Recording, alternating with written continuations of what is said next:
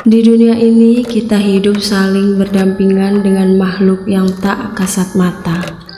Percayakah kalian bahwa kita hidup berdampingan dengan mereka yang bisa disebut dengan hantu? Dan di sini kita akan berbagi kisah, peristiwa, dan pengalaman yang tak lazim yang pernah kita alami. Cerita-cerita horor, mitos-mitos masyarakat kuno mulai dari bentuk dan wujud mereka.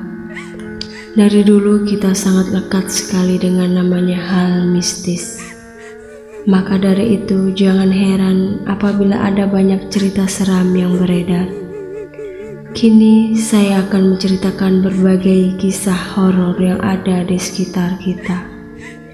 Kalau kalian sobat horor, simak dan dengarkan kisah horor ini.